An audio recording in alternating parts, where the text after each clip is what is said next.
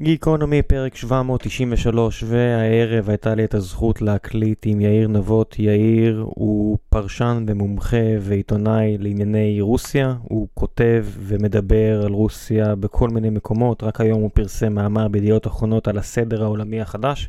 וזו הייתה מטרת השיחה שלנו, לדבר על החלק של רוסיה וסין וכל כך הרבה מדינות אחרות בסכסוך הזה שפרץ פה אחרי הטבח הנורא של השבעה באוקטובר.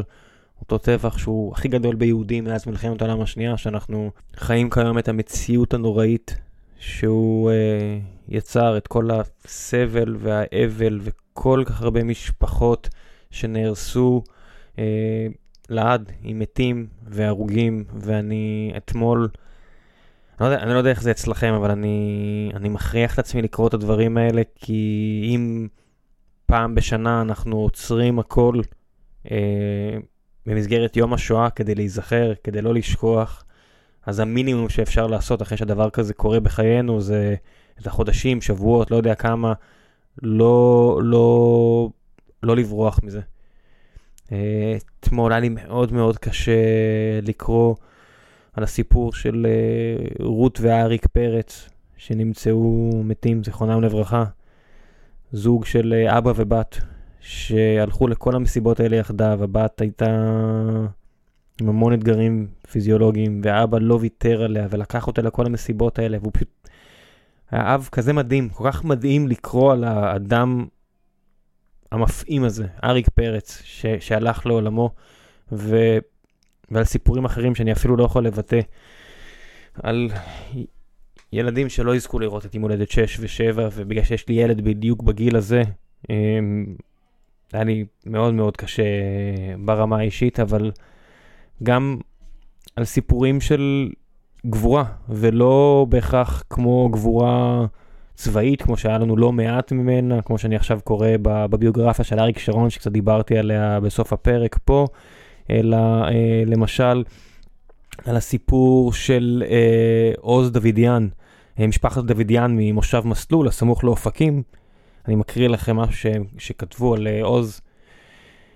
משפחת ודיאן ממושב מסלול הסמוך לאופקים מתעוררת לקולות הפגזות וירי. עוז, בן 52 ואשתו רצים עם שלושת הבנות שהיו איתם בבית באותה העת לממ"ד וסוגרים את הדלת.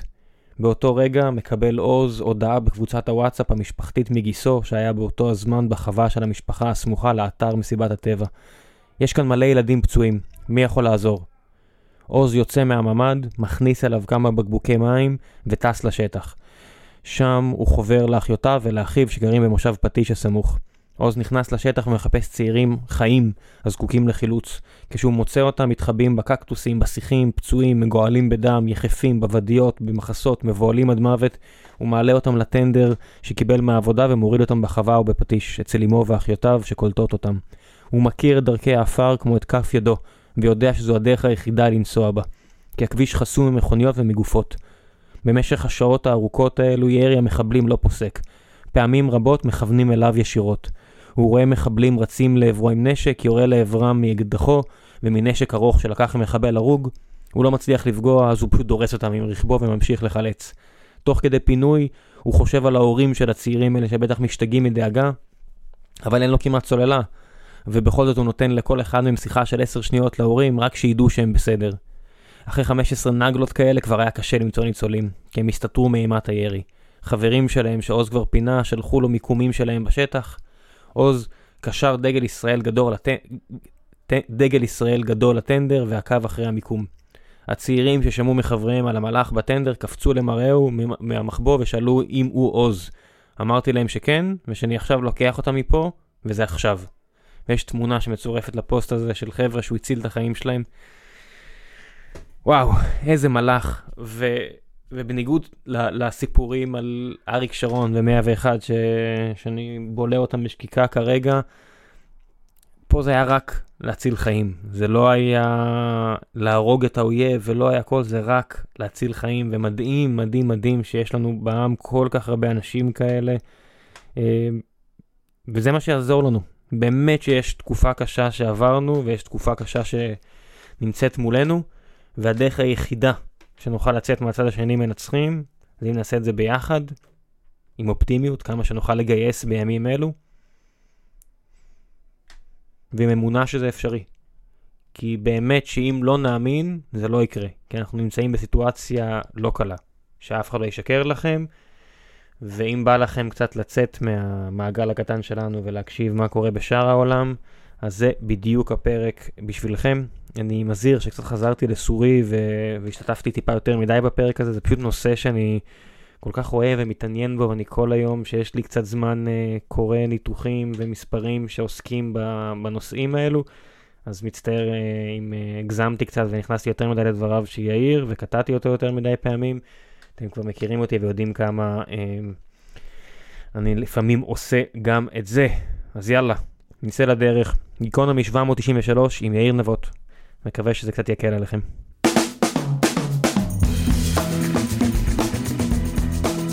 גיקונומי פרק 794 והערב יש לי את הזכות הגדולה לארח את יאיר נבות, פרשן, מסעי, כותב ומומחה לענייני רוסיה והעולם הגדול שמדבר איתנו כל הדרך מהולנד. מה העניינים?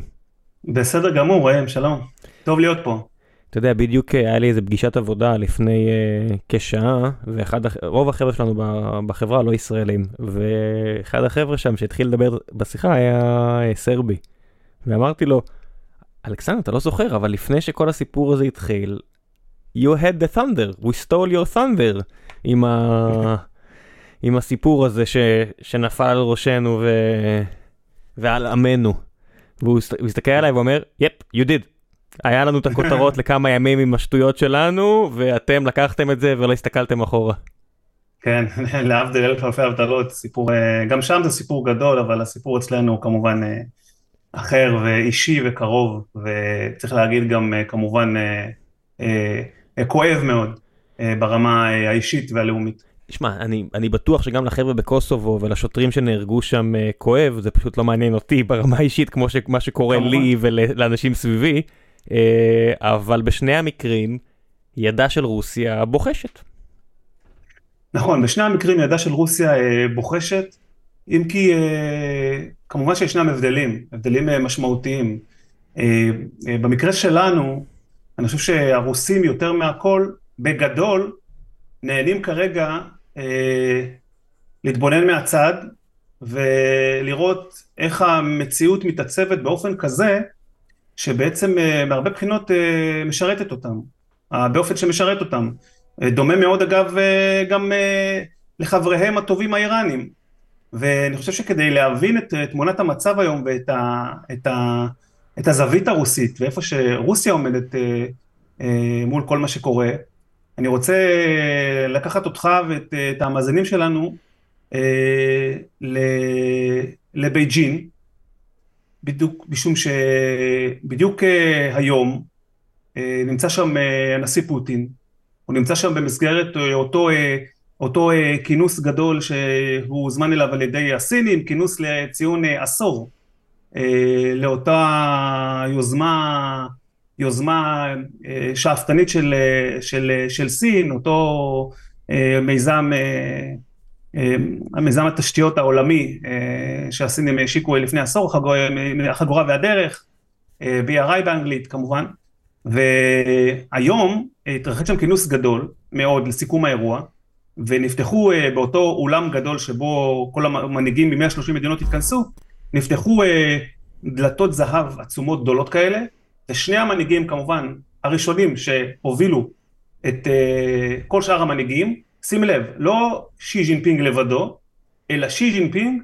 ולצידו הנשיא פוטין, נכנסים ראשונים, כן?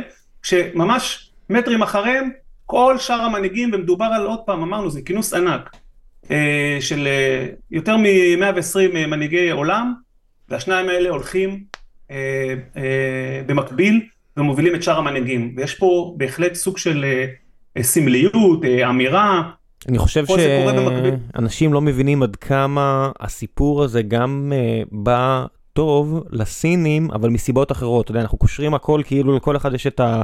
אותם מניעים, אבל מה שאמרת על האיראנים, האיראנים במלחמה ישירה עם ישראל, תקרא לזה, זה, זה אפילו לא מלחמת פרוקסי, זה מלחמה ישירה וארוכה ועקובה מדם, ועבורם החמאס זה זרוע, לא פחות, זרוע מה, מה, מהקיום שלהם. עבור הרוסים, יש פה אינטרס אחר שהם נלחמים נגד uh, אוקראינה, וכל משלוח נשק שילך אלינו ולא לאוקראינה זה נפלא. כל תשומת לב ציבורית שתאפשר להם אולי להתחיל לעשות פשעים נגד האנושות בלי שישימו לב, הרי יום לפני שמתחילה, פורצת המלחמה הזאת, הם מפילים פצצה ורוצחים 50 ומשהו אנשים בהלוויה. נכון, אה, כדי נכון, לשבור את רוחו של העם. האוקראיני, בוודאי. כן. ואז אני מסתכל על סין, שזה, אתה יודע, אמרנו איראן, אנחנו עם הרבה תשומת לב, רוסיה פחות תשומת לב, ואז אתה מסתכל על סין ואתה אומר, מה יש לסין יכול להיות מהדבר הזה? ואני אגיד לכם, תסתכלו על יחס החוב תוצר. כי אם מסתכלים על היחס החוב תוצר של סין, רואים uh, ש- כמעט 80 אחוז, שזה בין ישראל הברית וזה בסדר. אבל אם תוסיפו לעניין הזה את היחס, יחס חוב תוצר, את החוב לא רק של הממשל הסיני, אלא של כל הסטייטים, כל האזורים בסין, זה כבר פלוס, החוב הפרטי זה כבר מגיע לאיזה כן. 300 אחוז. וה-Belt and Road Initiative, אותו BRI שציינת, שהם חוגגים את העשר שנים אליו, תפח לכזה הוצאה כספית מטורפת ובלתי נתפסת, שאין, שגם זוכה לביקורת בתוך סין. בוודאי. ו- אבל. אבל הביקורת הזאת, אה, כל עוד התשומת לב העולמית יכולה ללחוץ עליהם כדי לוודא שלא הולך שום דבר, אז היה להם יותר קשה. ועכשיו הם יוכלו לעשות קצת, קצת להוריד פרויקטים, קצת אה, להתחיל לפזר שם את ההשפעה שלהם כן. כדי לקצץ את החגורה, ואני די בטוח שזה הולך לקרות, כי הברוך שהסינים נחתו עליו הוא עצום, אנחנו לא רואים את זה כי כל כך הרבה קורה לנו, אבל הצמיחה שלהם של חמישה אחוז, משהו מדהים בכל שאר כן. העולם, עבורם זה לא מספיק טוב, כי אצלהם זה בא עם קיצוץ אוכלוסייה מטורף. זאת אומרת, נכון. יש להם איזשהו חלון זמן פצפון שהולך להיסגר עליהם אם הם לא יזוזו מהר. והנה, נכון. נפלת הברכה הזאת פה- עבורם. פה- אבל פה אנחנו מדברים, על, אתה מציין בצדק את, ה, את הפן כמובן הכלכלי הסיני שהוא מאוד מאוד חשוב בתפיסה הסינית כמובן, אבל אנחנו צריכים להסתכל, וזה מאוד חשוב, שנוכל, שנהיה מסוגלים לקחת קצת זום אאוט ולראות את ההתפתחויות, כולל אצלנו כרגע, במארג הזה שבין ישראל לחמאס, לחיזבאללה, ב, כמו שנקרא אה, מבט ציפור. במבט ציפור קצת, קצת להתרומם למעלה ולראות את הדברים בזום אאוט. וכשאנחנו מסתכלים בזום אאוט, אנחנו רואים, ואני חושב שאנחנו אה, התכתבנו על זה והגבנו בעבר גם בטוויטר, מה שקורה עכשיו, מבחינת אה, מה שקורה בעולם, אנחנו ממש רואים איך מתגבשים צעירים חדשים. משום שיש לך בצד אחד ציר שהוא כבר מאוד מאוד מגובש, וזה הציר שכולל כמובן את סין, את רוסיה, את, אה, את איראן, את צפון קוריאה, אה, אפשר להוסיף לזה במידה מסוימת גם את אה, סוריה, אבל היא לא ממש מדינה עצמאית כבר, צריכה להיות סוג של מדינת חסות של איראן ורוסיה, ולכן אנחנו נשים אותה בצד. אבל ארבעת המדינות האלה, מה כמובן, מה משותף להם? בראש ובראשונה מדובר במדינות אוטוקרטיות, ברמות כאלה ואחרות, מי פחות מי יותר, כמובן צפון קוריאה על הסקאלה היא המדינה הכי אה, אה, אוטוקרטית, ו, ורוסיה אה, כמובן, וסין אולי אה, עם הכלכלה הכי אה, בעצם אה, אה, גדולה כמובן וחופשית, לכאורה, אבל אה, כולן מדינות אוטוקרטיות. והציר הזה, אה, עוד דבר משותף לו, ודבר מאוד מאוד חשוב, הוא כמובן אה, אנטי-מערבי ואנטי-אמריקאי, ומעוניין לשנות את הסדר העולמי. עכשיו נשמע מילים מאוד מאוד גבוהות, לשנות את הסדר העולמי, אבל חשוב מאוד להבין, מהבחינה הזאת, שהתפיסה הרוסית לא מהיום, היא שאת ההגמוניה של המערב, וכמובן בראשות, בהובלת ארצות הברית, יש לקעקע. כל הסדר העולמי שנבנה לאחר מלחמת העולם השנייה, בעיניה של רוסיה למשל, וכמובן גם בעיניה של סין, הוא היום לא קביל ולא מייצג את תמונת המצב העולמית, ובחלק מהדברים שהם אומרים, אם אתה אה, שופט את זה בעיניים ככה אובייקטיביות כמה שאפשר, יש בזה קצת אמת. בוודאי. איך יכול להיות תחשוב- שאימפריה אחת שולטת, כשאותה אימפריה, מבחינה צבאית וכלכלית, היא לא רחוקה בסדר גודל מהאחרות. זאת אומרת, סין, החימוש של סין, אנשים, אני חושב שאנשים לא מבינים עד כמה נכון. סין במרוץ חימוש מטורף. זה אמנם התקציב שלה הוא שליש מזה של הברית בביטחון, אבל התקציב של הברית מנופח והוא שמן מאוד. סין מתחמשת בלי הפסקה, והכלכלה שלה סגרה את רוב הפערים מארצות הברית מבחינת תל"ג, תמ"ג, whatever. אז למה שזה לא יהיה עולם דו-קוטבי? למה החד-קוטביות הזו? נכון, אבל צריך לומר, אה, מבחינתה של סין, ומבחינה זאת רוסיה גם, הם כל הזמן מדברות, ואומרות את זה בפומבי, הם כל הזמן מציינות שהעולם צריך להיות אה, עולם רב-קוטבי. זאת אומרת, שאין מעצמה אחת ששולטת, אה, שעוד הכי דומיננטית בזירה הבינלאומית כיום, כמו ארה"ב, אלא שזה אמור להיות מדינה שבה יש כמה וכמה כוחות חזקים, וזאת השאיפה. עכשיו, בהיבט, אה, בהיבט הרוסי, לדיבורים האלה על אה, הצורך לשנות את הסדר, אה, את הסדר העולמי, שיבטא יותר את העולם כמו שהוא היום, נלווים גם הסברים שהם מאוד הגיוניים. למשל, קח לדוגמה את מועצת הביטחון. אנחנו הרי רואים היום שכגוף האו"ם במועצת הביטחון הם לא ממש מתפקדים. זאת אומרת, איך יכול להיות, למשל, שבגוף כמו מועצת הביטחון אין שום ייצוג לאפריקה, אין ייצוג להודו, אין ייצוג לאף מדינה מדרום אמריקה. מי יש במועצת הביטחון? צרפת, בריטניה, גרמניה, כן. צרפת. עכשיו, זה, עכשיו עם כל, כבודן במקומם מונח כמובן, הן גם מעצמות גרעיניות, אבל הם פסיק מבחינת אה, אה, גודל אוכלוסייה ועוצמה כלכלית.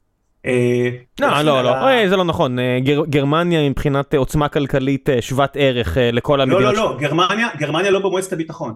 אני מדבר על מדינות שחברות במועצת הביטחון שלו. שזה צרפת, אנגליה, ארה"ב. זה צרפת, בריטניה, סין, רוסיה וארה"ב. נכון, עכשיו, אוקיי, אוקיי. בלי הודו, בלי ברזיל, בלי יבשת אפריקה, העולם הוא לא מה שהעולם היה ב-1950, 45. העולם היום הוא שונה. מהבחינה הזאת יש פה שאיפה כמובן לשנות את הסדר העולמי, והסינים מבחינתם, אתה יודע, לא מזמן, אה, אני בכל שנה ביוני אה, עושה אזכור למאורעות האלה בכיכר טיאננמן ב-1989. עכשיו, סין של אז וסין של היום אלה שתי מדינות אה, אחרות לגמרי. כמו שאמרת נכון, סין של היום היא מתעצמת צבאית באופן שהוא חסר תקדים מבחינת קצב התעצמות הצבא. זה לא קורה סתם. כל הם מופנים לזה הרבה מאוד אה, משאבים, והתוכנית הסינית היא מאוד מאוד ברורה, אנחנו כבר רואים אותה אה, מיושמת בים סין הדרומי, אה, כמו שכולם יודעים, הסינים שם אה, אה, לא רק מדברים, הם גם עושים, הם אה, בונים איים מלאכותיים, המוני איים מלאכותיים, עליהם הם מקימים מסלולי אה, תעופה, בסיסים צבאיים, באזורים שהם שנויים במחלוקת, זה אלה מים טריטוריאליים בינלאומיים. ואמריקה עומדת ומסתכלת. וכמובן העניין הגדול הוא טיוואן, וגם על זה אפשר לדבר, בטווח קצת יותר רחוק, אבל השורה התחתונה היא שרוסיה מהבחינה הזאת מוצאת שפה מאוד משותפת וקרבה מאוד גדולה לסין, ושתי המדינות האלה אה, פועלות ביחד, יש להן יתרון גדול שהן מדינות אוטוריטריות, ולכן המנהיגים שלהם יכולים לתכנן חזון ל-20 שנה קדימה. מה שסטלין היה קורא לו תוכניות החומש, אה, שעזרו לו כביכול, כן? אין להם את העניין הזה של דמוקרטיה שמנהיג אמור לעמוד לבחירה ולכן הוא מסתכל שלוש ארבע שנים קדימה אולי וגם זה עם מלא מלא מגבלות. ולכן הן פועלות באופן עקבי כבר אה, ואני מסקר את זה גם סיקרתי את זה כל תקופת שהותי כעיתונאי במוסקבה. ההתקרבות הזאת בין אה, סין לרוסיה היא, היא מאוד מאוד משמעותית והרוסים ואני רוצה עכשיו לקחת אותנו קצת שוב לסוגיה של אה, הרוסים. רגע, אבל לפני שאתה מתקדם, אבל חשוב להגיד שלשתיהן אין אין סוף זמן. זאת אומרת, במקרה של שתיהן יש טריטוריות שהן צריכות לחזור לחיקן. במקרה אחד אוקראינה, במקרה השני טיוואן. בשני המקרים מדובר על טריטוריה שלא הולכים לוותר עליה תודעתית, שהיא סופר חשובה ברמת המורל הלאומי ועוד סיבות אחרות. זאת אומרת, בטיוואן זה בעיקר העניין הלאומי, באוקראינה יש עוד סיבות. וחלון הזמן נסגר מהבחינה של אם אוקראינה מצטרפת לנאטו, done deal, אנחנו רואים עכשיו שצבא רוסיה זניח לחלוטין ביחס לצבאות המערב, זאת אומרת אם עם אוקראינה לבד הם לא מסתדרים, מן הסתם עם צבא הנאטו הם לא היו מסתדרים, זה שיש נשק אטומי זה משהו אחר, בלוחמה קונבנציונלית אין למה למכור כמו שאנחנו רואים ברמות האלו, וסין, כשאוכלוסייה הולכת וקטנה, מה לעשות? זאת אומרת מדינה של חצי מיליארד זה לא מדינה של מיליארד שלוש מאות. נכון, וזה גם, אני חושב, אה, מביא אותנו לשאלה מאוד מעניינת אה, לגבי השאיפות הסיניות מול טיוואן. יש הרבה הערכות, אני באופן אישי, על פי כל מה שאני יודע, קורא, שומע ומנתח, אני חושב שזה הרבה יותר קרוב ממה שאנשים חושבים, ויש סיכוי, לא מחר מחרתיים, כן, אבל עד סוף העשור, אני מניח שהסינים ינסו אה, לכבוש את טיוואן בכוח, זה יכול להיות 2027, זה יכול להיות 2028, זה הרבה יותר קרוב ממה שאנשים חושבים, זה לא יקרה עוד 20 שנה, בין השאר כי שי ג'ינפינג הוא רוצה שהדבר הזה יקרה עוד בימי חייו, וזו המטרה שלו, ועל זה הוא אה, מבסס חלק גדול מההשקעה האדירה שלו בהתעצמות הצבא הסיני, שהופך להיות באמת אה, מפלצת. אבל בוא נחזור רגע לרוסיה. אני רוצה לקחת אותך ואת המאזינים ל, ל, לעוד תמונה. אה, היום במקביל לש, לשהות של אה, הנשיא פוטין בבייג'ינג, מבקר בפיונג יאנג, צפון קוריאה, שר החוץ הרוסי סרגי לברוב. והביקור הזה הוא אה, ביקור של, אתה יודע, שתי, ה, שתי הילדות, שתי האלה המנודות בכיתה, אלה שהמורה נדתה אותן, שתיהן מוצאות את עצמן מנודות על ידי המערב, אני אומר בכוונה רק על ידי המערב, בצפון קוריאה זה כולל יותר, אבל מנודות על ידי המערב תחת משטר סנקציות מאוד מאוד חריף, המדינה הכי מנודה היום בעולם מבחינת סנקציות זה רוסיה, בי פאר, אף אחד לא מתקרב אליה, גם לא איראן, גם לא צפון קוריאה, והמלחמה באוקראינה גרמה לשתי המדינות האלה אה, להתקרב עוד יותר. יש רכבת של עשרת אלפים קילומטר שמסיעה פגזים מצפון קוריאה כל הדרך עד לדונייצק, ששם זה מתפוצץ. כי הצפון קוריאנים כבר לא צריכים את כל הפגזים האלה, ברגע שיש נשק אטומי, למה הם צריכים כל כך הרבה פגזים אם המטרה היא רק הרתעה? אה, לצפון קוריאה יש אה, את, אה, מבחינת כמות ארטילריה, מאגרי ארטילריה, אם לא הכי גדולה בעולם, בוודאי אחד המאגרים הגדולים בעולם, ולכן גם הצפון קוריאנים הם לא נותנים לרוסים שום דבר שהם יכולים ככה סתם לוותר עליו, הם מוודאים קודם כל שיש להם מספיק, הם הרי תמיד דואגים גם לאפשרות של מלחמה קונבנציונלית שהם יוכלו להשמיד את סאול על ידי הפגזה ארטילרית ולכן הם שומרים לעצמם כמות פגזים מספיקה. אבל אמרת נכון ההתקרבות הזאת בין רוסיה לצפון קוריאה יש מאחוריה כמובן גם פן מעשי. אבל נחזור רגע לביקור הזה של רגע אתה יודע להגיד אה, בשלב הזה אנחנו יודעים מה הרוסים מביאים להם? אנחנו יודעים מה צפון קוריאה רוצה מרוסיה האם רוסיה נותנת להם את זה? שאלה אחרת. אנחנו יודעים שצפון קוריאה מאוד מאוד מתעניינת בטכנולוגיה, אה, טכנולוגיית לוויינים צבאיים. אה, הם אה, עשו ניסיונות שנכשלו לשגר לוויינים לחלל בעבר, ולרוסים יש את הידע, הניסיון והיכולת לסייע להם, אבל לא רק זה, הם מחפשים גם דרכים לשפר את היכולות הגרעיניות שלהם, ויש טכנולוגיה גרעינית שגם לגבי זה הרוסים יכולים לעזור, וכמובן כל שאר הדברים, כמו מטוסי קרב מתקדמים, אה, אה, מערכות נשק, למרות שעוד פעם, אה, צפון קוריאה היא לא מדינה עשירה כמובן, אבל את מה שיש לה היא משקיעה בעיקר בלקנות נשק, בגלל זה האוכלוסייה שלה היא מתה מרעב. אבל נחזור רגע לפיונג יאנג, עוד פעם, וללברוב. משום שבמהלך הפגישה שלו עם שרת החוץ של צפון קוריאה, לברוב התבקש להתייחס למה שקורה בעזה ולמלחמה של ישראל עם חמאס, ואז הוא אמר ככה, הוא אמר, באשר לרצועת עזה, הסיכון, שהמש... הסיכון שהמשבר הזה יסלים לסכסוך אזורי הוא די גבוה. ואז הוא אמר, התייחס גם לגבי האיראנים, ושים לב מה לברוב אמר לגבי איראן. הוא אמר ככה, אנו צופים בניסיונות להאשים את איראן בהכל, ורואים עמדה, אה, ו, אה, ורואים, אה, סליחה, ורואים את הניסיונות הללו כפרובוקטיביים. ההנהגה האיראנית, ככה אני מאמין, נוקטת עמדה די אחראית, מאוזנת, וקוראת למנוע את התפשטות הסכסוך הזה לכל האזור ולמדינות השכנות. עכשיו... וכל זה יום שוב, אחרי שפוטין זה... אה, מזכיר שהנוסעות מטוסים האמריקאיות נמצאות במקרה בטווח הטילים הרוסי. ככה הוא נכון, אומר. ו... נכון, הוא דיבר על העובדה שהוא הוא, הוא, הוא, הוא, הוא מאוד הקפיד לומר את זה. הוא אמר, אני, הוא אמר במילים האלה, אני לא מאיים או משהו, אני רק אומר שאני, שאני החלטתי להציב בשמי הים השחור אה, מטוסי מיג 31 שיפטרלו, שהם חמושים בטילי קינזל. אה, קינזל אלה טילים אה, היפרסוניים, זה לא נאמר סתם, וזה מתחבר לעמדה הרוסית ביחס לארצות הברית ולמה שהיא עושה כרגע במזרח התיכון. אבל נחזור רגע לדברים האלה שאמר לברוב כי זה מדהים. זאת אומרת, יש לנו, זה מעיד הרבה על העמדה הרוסית כרגע. הרוסים בעצם אומרים שאיראן, הם כמעט אומרים שאיראן היא גורם מייצב באזור.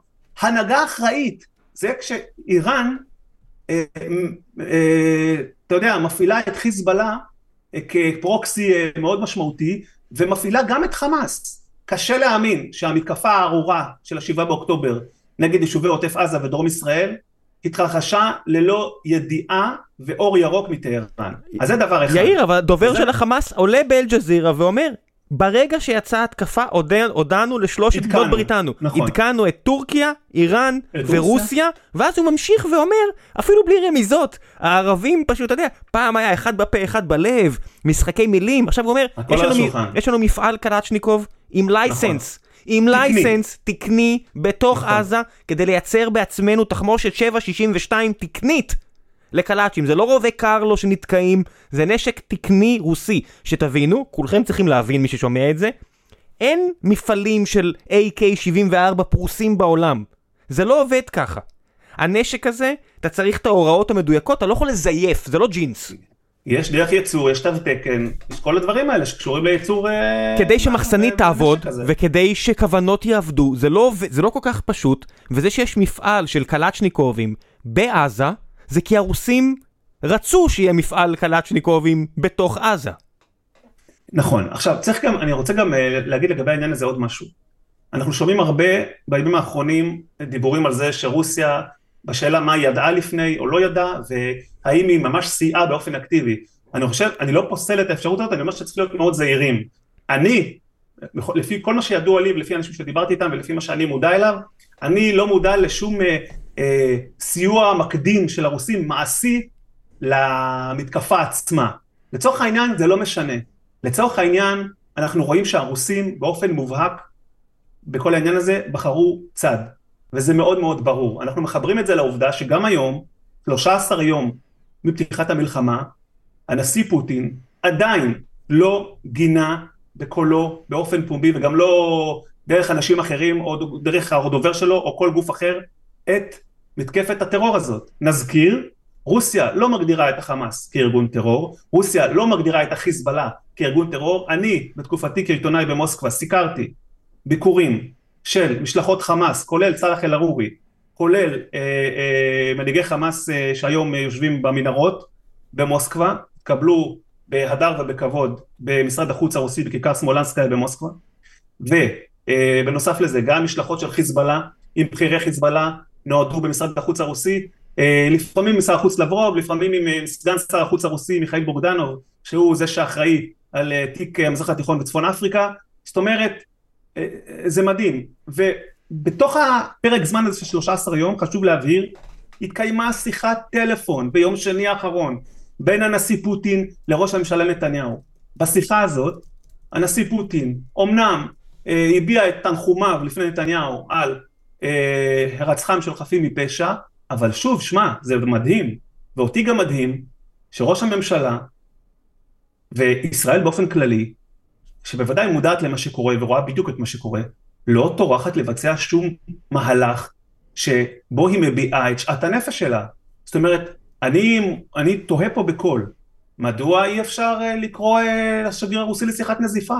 מדוע אי אפשר להחזיר את השגריר שלנו אלכס בן צבי ממוסקבה לשיחות התייעצות? לא משנה, אני יודע שזה יאיר, בוא ניקח אחורה. בנימין נתניהו, שתמונתו עם אה, לוחץ יד לפוטין הייתה בקינג ג'ורג' על שמונה קומות, ליגה אחרת, עזוב, אני לא נכנס להיכנס עכשיו לענייני ביבי, לא ביבי אז, כי אז אמרו, לא, לא, יודע, לא ידעו מה פוטין יעשה, בסדר, נניח. ביבי דיבר עם פוטין עכשיו, אחרי שדובר חמאס אמר שהוא עדכן את הרוסים בשבע בבוקר. זאת אומרת, ביבי ופוטין קיבלו את הידיעה על ההתקפה הזו ביחד.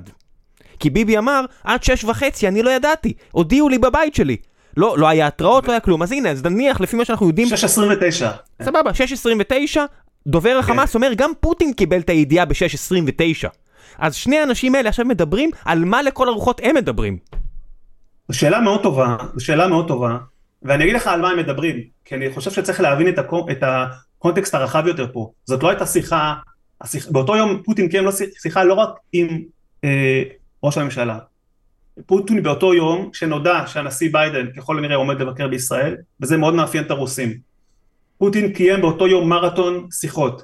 הוא שוחח בבוקר, שים לב, עם נשיא איראן ראיסי, עם הנשיא הסורי בשאר אל-אסד, לאחר מכן הוא שוחח עם נשיא מצרים אל-סיסי, לאחר מכן הוא שוחח עם ראש הממשלה בנימין נתניהו ולאחר מכן הוא שוחח עם יושב ראש הרשות הפלסטינית מחמוד עבאס. או, תגיד, מה זה כל השיחות האלה? מה פתאום? או, זה קשור לעובדה שמול ההתגייסות של ארצות הברית לצד ישראל באופן שאינו משתמע לשתי פנים וכולל הודעה על שליחת נוסעות מטוסים הרוסים מצידם, בין אה, הודעה של לברוב על דאגה מההתפתחויות וחשש מהסלמה, אה, לבין הודעות של בכירים אחרים שאף אחת מהן לא מגנה את, ה, את, את החמאס על האירוע הזה, אה, בעצם פה אה, אנחנו יכולים לראות את האופן שבו רוסיה מתייחסת לכל העניין הזה.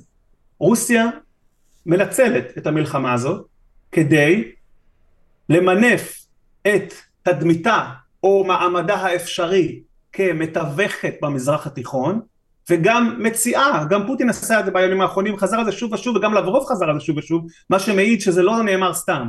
הרוסים עכשיו נכנסים לחלל הזה ואומרים המתקפה הזו שהתרחשה, המלחמה הזאת בין ישראל לעזה היא בעצם תוצאה לא של הברוטליות של ארגון החמאס הנאצי אה, המתועב אה, הברברי, אלא היא תוצאה של כישלון ארצות הברית בתיווך בין ישראל לפלסטינים. ואני מזכיר לך שהשכנה שלנו בצפון, הרוסים לא הסתפקו רק בשיחות טלפון. כשהאמריקאים והטורקים לא הצליחו אה, להרגיע את מלחמת האזרחים ברוסיה, בסוריה, רוסיה אמרו, עלינו, אבל לא עם שיחות, עם מטוסי כן. קרב.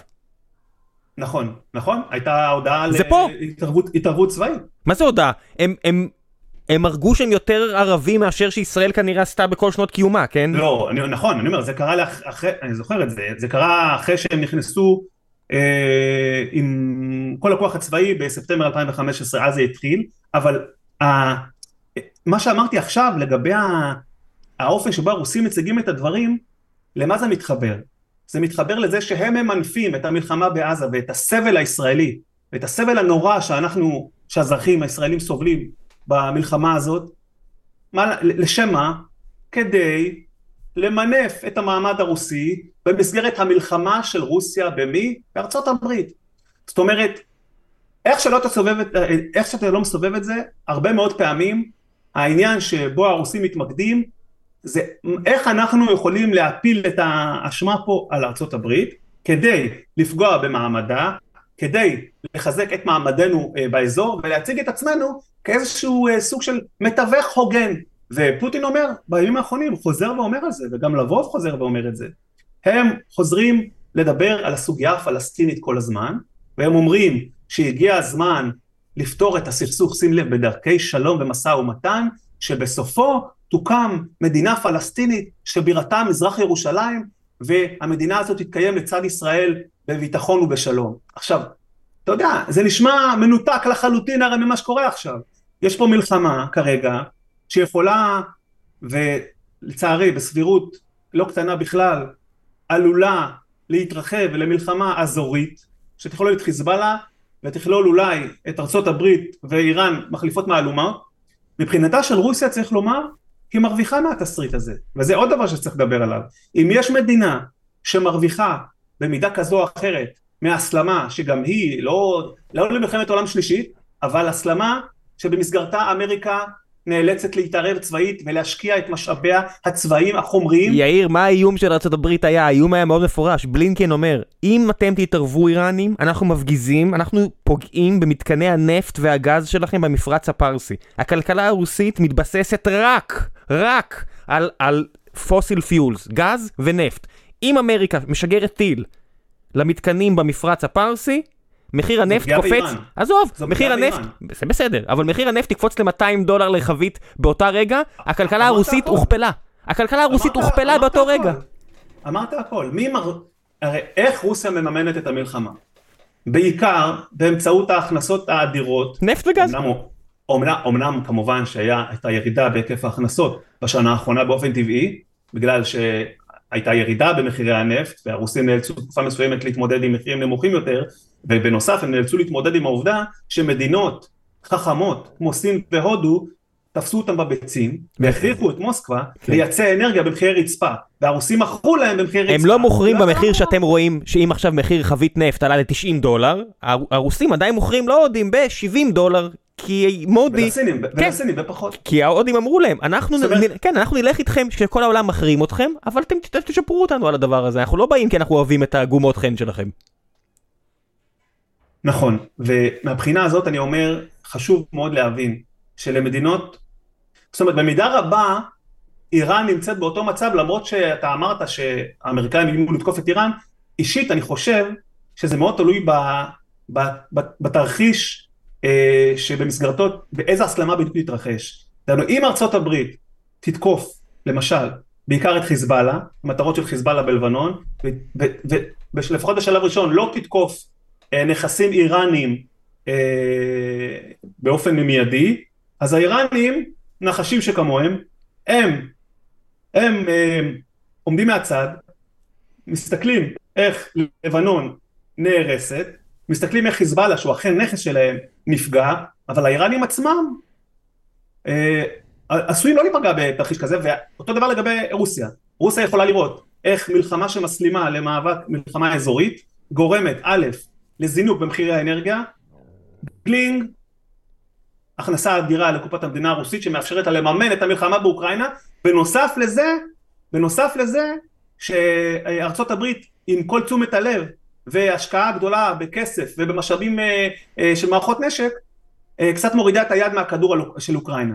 ועבור הרוסים זה דבר טוב, גם תשומת הלב העולמית. בוודאי, עכשיו מה, שה... מה שהדמוקרטים, מה שהדמוקרטים עושים, מה שביידן עשה, הוא כרך בעצם את הסיוע הישראלי עם הסיוע הבא לאוקראינה לעסקת חבילה אחת שמצביעים עליה כדי שהסיוע הזה יעבור, אבל עם כל הצבעה כזאתי, הסיכוי שאוקראינה תמשיך לקבל נשק שמחזיק אותה בחיים מול הדוב הרוסי, הולך ופוחת, כי לאמריקאים נמאס, גם לאמריקאים נמאס מהדבר הזה, כי מתקפת הנגד האוקראינית לא הצליחה כל כך, הכסף הוא עצום, הם לא, לא כולם מבינים למה זה קורה, ואם עכשיו יהיה גם הוצאה ציבורית מטורפת, ואנשים מספיק מבוגרים, מספיק בקיאים בהיסטוריה, יבינו שמה שהולך לקרות פה זה כמו מה שקרה בשנות ה-70. אנשים לא מבינים שיום כיפור לא רק הוביל למותם של אלפיים ישראלים ומעלה, משבר האנרגיה. משבר האנרגיה שריסק את האמריקאים, את האמריקאי הקטן. האמריקאי הקטן עמד בתור לקנות דלק בגלל מלחמת יום כיפור, בין השאר. כן, אבל צריך לומר שהיום אמריקה הרבה יותר עצמאית מבחינה אנרגטית. כן, יצואנית ויבואנית אה, אה, נפט וגז עצומה, אבל כדי לווסת את מחירי הנפט, האמריקאים כילו את רוב משאבי הרזרבה שלהם, שנועד בדיוק למצבים האלו. יש פה מצב סופר סופר עדין, וביידן בשנת בחירות. זאת אומרת, יש פה סופה מושלמת ענקית. נכון. אה, נכון, ויכול להיות שזו גם אחת הסיבות, אולי, ייתכן, שאותו ציר אוטוקרטי, כמו שקראתי לו, אותו ציר אוטוקרטי בהובלה, אני לא יודע אפילו אם זה בהובלת, אתה יודע מה, זה לא ציר בהובלת סין, כי הסינים הם לא מעורבים uh, צבאית מהבחינה הזאת, מה שמתרחש במזרח התיכון, הם כן מגלים תמיכה מאוד גדולה כרגע בפלסטינים, לא גינו גם הם את, את החמאס בשום, בשום צורה, רק uh, דיברו על, uh, על זה שהם מצטערים שיש נפגעים אזרחיים, בלה בלה בלה, uh, אבל, אבל מבחינת הציר הצבאי הזה שכולל את רוסיה ואיראן, יש תיאום הדוק, צריך לומר את זה, יש תיאום הדוק ביניהם, אה, צריך להבין שבכל מה שקשור לאוקראינה, אחת הסיבות שהרוסים שה, כמובן מתחנפים ככה לאיראנים, והברית הזאת מתהדקת, זו כמובן, קשה, זה, קשה להאמין, אבל היום רוסיה, יש לה תלות צבאית באיראן. אה, זה, זה, אתה יודע, זה ממש היפוך תפקידים. אה, עד לפני כמה שנים, אלה היו האיראנים שתלויים במערכות נשק רוסיות, ועכשיו, בגלל החולשה הרוסית, בגלל הסנקציות, בגלל התמשכות המלחמה באוקראינה והאופן שבו הרוסים גם הם לא מצליחים להכריע את המלחמה, אתה מבין? זה לא שיש פה איזו הכרעה ברורה, חד, חד משמעית. הרוסים אה, חטפו, אה, חטפו בענק, המלחמה כבר נכנסת עכשיו לחודש ה-20 שלה, שזה מטורף. המשאבים שהרוסים כילו שם הם אדירים, אה, ועכשיו הם מוצאים את עצמם תלויים במדינה כמו איראן, אה, אה, שמספקת להם אה, כטב"מים מתאבדים, ועכשיו הולכים לפתוח באזור קזאן, אה, ברפובליקת טרסטן ברוסיה, אה, מפעל לייצור כטב"מים על בסיס הכטב"מים האיראנים, ובנוסף רוסיה תלויה במדינה כמו צפון קוריאה, לפגזים. ל... כדי לקבל פגזים. יאיר, אני יכול לשאול אותך על מדינות, שני סטייטים רוסיים דרומית לקזאן, שמאוד מעניינים אותי. אתה יודע, אנחנו מקליטים את זה בחמישי בערב, זה יצא בחמישי בלילה.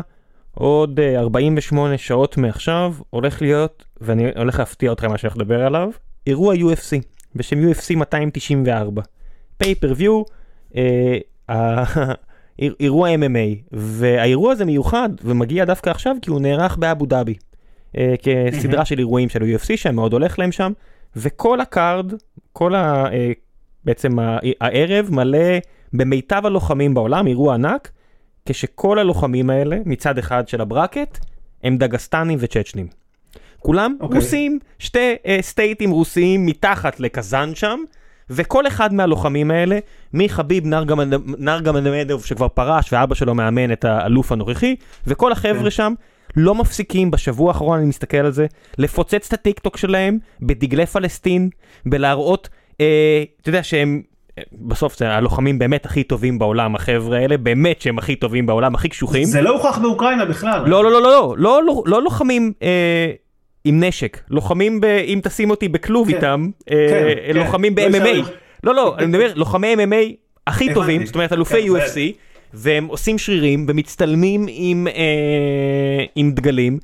בזמן הזה, הנציגות הפוליטית שלהם, שמובילה קרב עם נשק ולא עם אה, ידיים חשופות, קדרוב, שנראה על ערש דווי, נפוח מלא יודע ממה, כן, תרופות. עולה ומאיים. זאת אומרת, אני ממש בדעה שאם אין להם עכשיו את אוקראינה, ששם הם חוטפים בראש כמו שצריך מהאוקראינים, שמורידים מספיק צ'צ'נים ודגסטנים, כי זה מי שמתגייס לצבא, יש סיכוי שהנבלות האלה, אנחנו רואים אותם עכשיו בגבול הצפון, או דרך מצרים בעזה.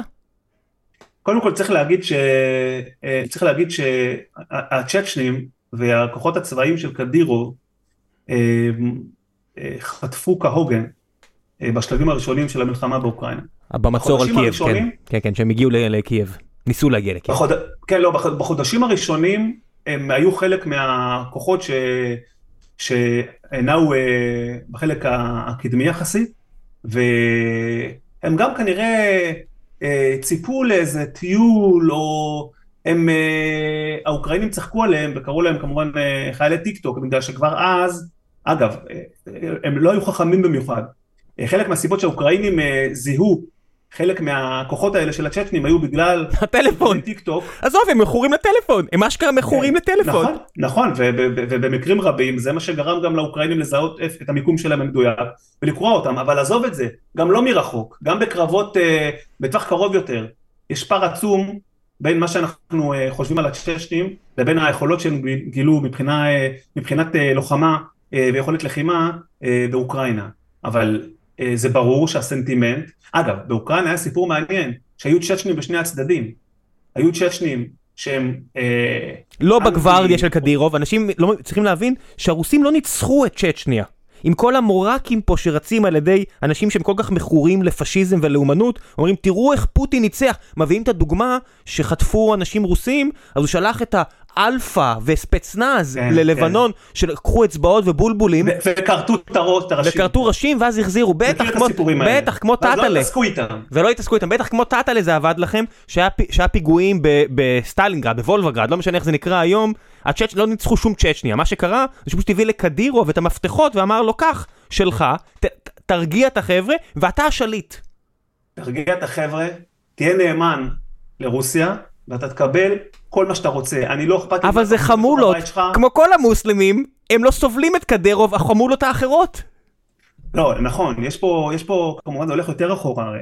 יש פה, יש פה אה, גורמים אה, צ'צ'נים, אה, שהם אה, קודם כל כמובן אסלאמיסטים רדיקליים, והם אה, אה, חלק מאלה שנלחמו עוד ברוסים בסיבובים הקודמים, והם לא שכחו לרוסים שום דבר, והם עד כדי כך שונאים את הרוסים, שהם הלכו לסייע לאוקראינה, צבא אוקראינה, והיה גדוד כזה של, של מתנדבים צ'צ'נים אנטי רוסים, שאז היו צ'צ'נים בצד הרוסי והיו צ'צ'נים בצד האוקראיני.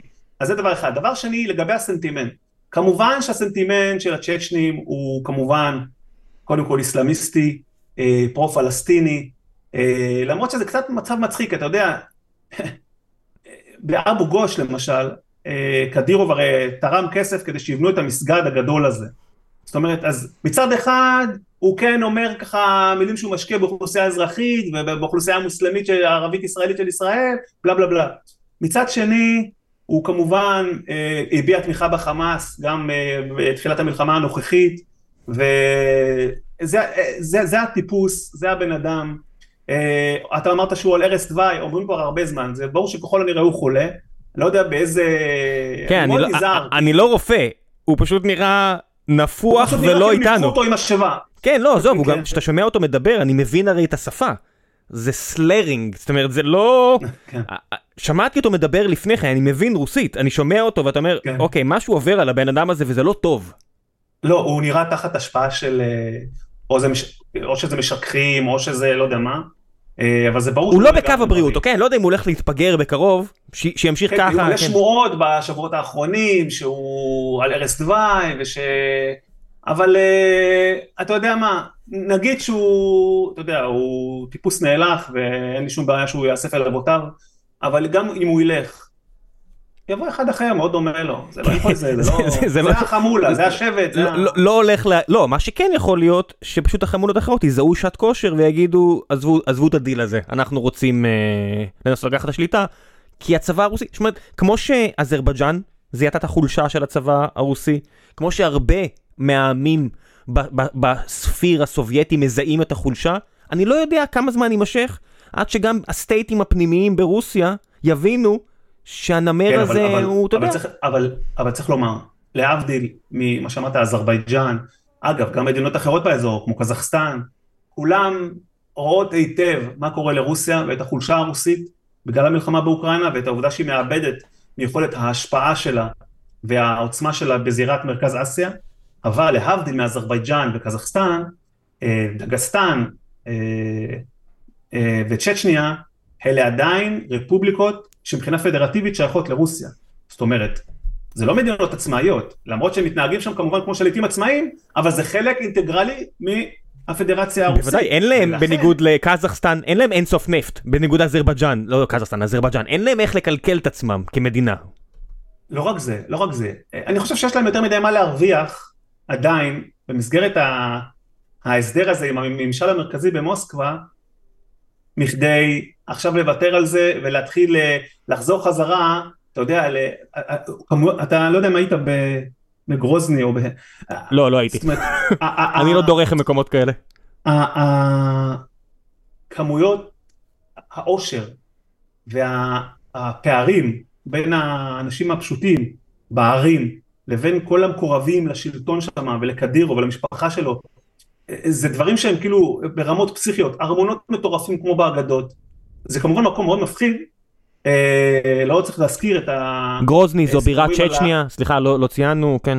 כן, גרוזני, בירת ששניה צריך ל- ל- להזכיר את הסיפורים על מחנות ריכוז לאוכלוסייה להט"בית, על הוצאות להורג של הומואים, על אה, כנופיות מחסלים צ'צ'ניות שפועלות אה, אה, הרבה פעמים בשירות המשטר המרכזי במוסקבה לעשות חיסולים כאלה ואחרים, אנחנו יודעים כי האנשים האלה הורשעו למשל ב- אה, ברצח של, אה, אה, של, אה, של נמצוב ב- ב- במוסקבה ב-2015, ברצח של אנה פוליטקובסקיה במוסקבה, העיתונאית המפורסמת, החוקרת ב-2006, ולכן זה, זה, זה החומר, תמורת 30 אלף דולר, אתה יכול, אה, הם יחסלו את מי שאתה רוצה.